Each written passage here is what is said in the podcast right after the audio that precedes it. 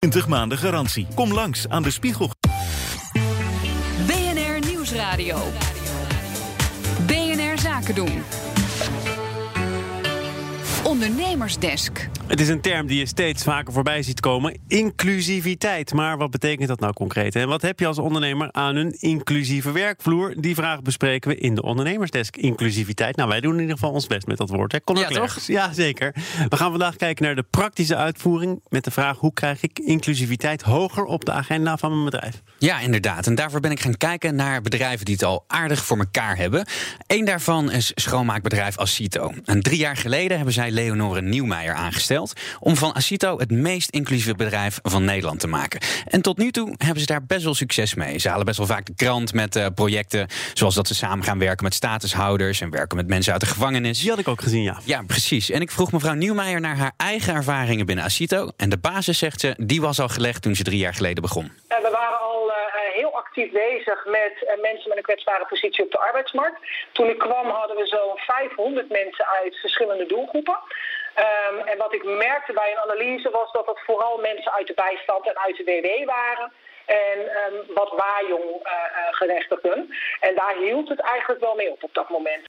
Ja, op dat moment was een derde van de 60 vestigingen actief met mensen uit dus een kwetsbare doelgroep. Dus de eerste opdracht voor mevrouw Nieuwmeijer was om alle vestigingen met inclusie aan de slag te laten gaan. En dat gaat, vertelt ze, niet van bovenaf, maar moet juist uitgaan van intrinsieke motivatie. En uh, ik ben verhalen gaan vertellen van uh, zowel onze collega's met een kwetsbare positie op de arbeidsmarkt, als de leidinggevende, waarom het voor hun belangrijk is om deze mensen te begeleiden en om ze een plek te geven bij ons in onze reguliere teams. En ik ben met onze opdrachtgevers in gesprek gegaan en waarom zij de mogelijkheid bieden om um, naast reguliere medewerkers ook medewerkers uh, die wat minder makkelijk aan werk komen bij hun op de werkvloer zichtbaar te maken uitleggen, blijven praten en dan misschien toch nog altijd op weerstand stuiten? Ja, daar ging ik eigenlijk ook wel van uit. Maar volgens mevrouw Nieuwmeijer viel dat best wel mee. Die weerstand die voelde ze niet per se. Wel kwamen er een heleboel vragen, maar dat is uh, logisch. Vraagstukken als hoe doe ik dat nou? Of op het moment dat er situaties escaleren. Dat gebeurt natuurlijk ook. Um, uh, omdat we onze eigen mensen moeten ontwikkelen in de begeleiding van mensen. Um, waar de schoonmaak vanuit het verleden vaak heel taakgestuurd was. Je doet dit en je doet dat. Is het nu veel meer in gesprek gaan met de mensen. En dat is een, ja, een talent dat we bij onze leidinggevenden moesten ontwikkelen. Maar echt weerstand heb ik niet ervaren. En dat scheelt daarbij ook dat het niet hiërarchisch werd opgelegd. Het is ook een keuze om aan de slag te gaan met een specifieke doelgroep. Het is niet een mus, dus het wordt je niet opgelegd. Uh, maar op het moment dat je het niet doet, ga ik wel met je in gesprek om te vragen van maar waarom doe je het niet? Waar zit dan, uh, waar zit dan de belemmering? Of wa waar ben je bang voor? Of wat heb je nodig om het wel te kunnen?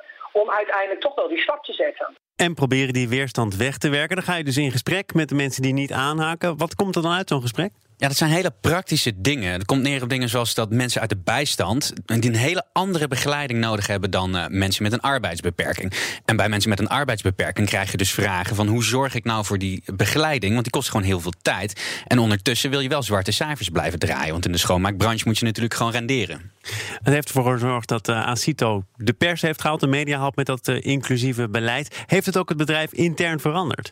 Ja, en dat zit met name in de bewustwording. Iedereen die blijkt eigenlijk wel iemand te kennen uh, die gewoon een extra zetje nodig heeft. En dat zit in alle lagen van de organisatie. En omdat ze er met het hele bedrijf mee bezig zijn, biedt dat ineens toch wel veel voordelen. We hebben inmiddels zo'n zo 1300 mensen uh, uh, dit jaar in dienst die minder makkelijk aan werk komen, die uit een van de doelgroepen komen.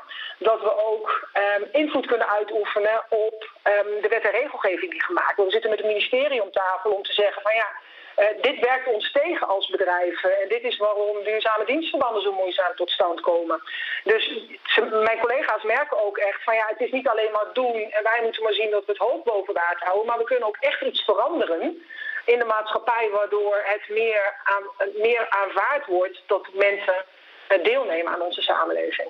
Het lukt dus, het kan. En uh, als je bewezen dat het kan, dan ben jij degene om tips te geven. Zijn die er ook? Ja, zeker. Um, volgens mevrouw Nieuwmeijer moet je zorgen dat je directie er echt achter staat. En dan gewoon de schouders eronder. Gewoon doen. Neem iemand aan, ga werven en leer een beetje onderweg. En heel belangrijk, deel die kennis met andere mensen, zodat zij er ook iets uh, aan, uh, aan hebben. Ja, het is natuurlijk, hè, de schoonmaak zegt altijd niet lullen, maar poetsen. En dat geldt in deze, uh, geldt in deze vooral. Ja, kan het mooier gezegd worden. Ik denk het niet. Connor, bedankt en tot morgen. Tot morgen. Ondernemersdesk Inclusiviteit wordt mede mogelijk gemaakt door Verderkijkers. Een initiatief van het ministerie van Sociale Zaken en Werkgelegenheid.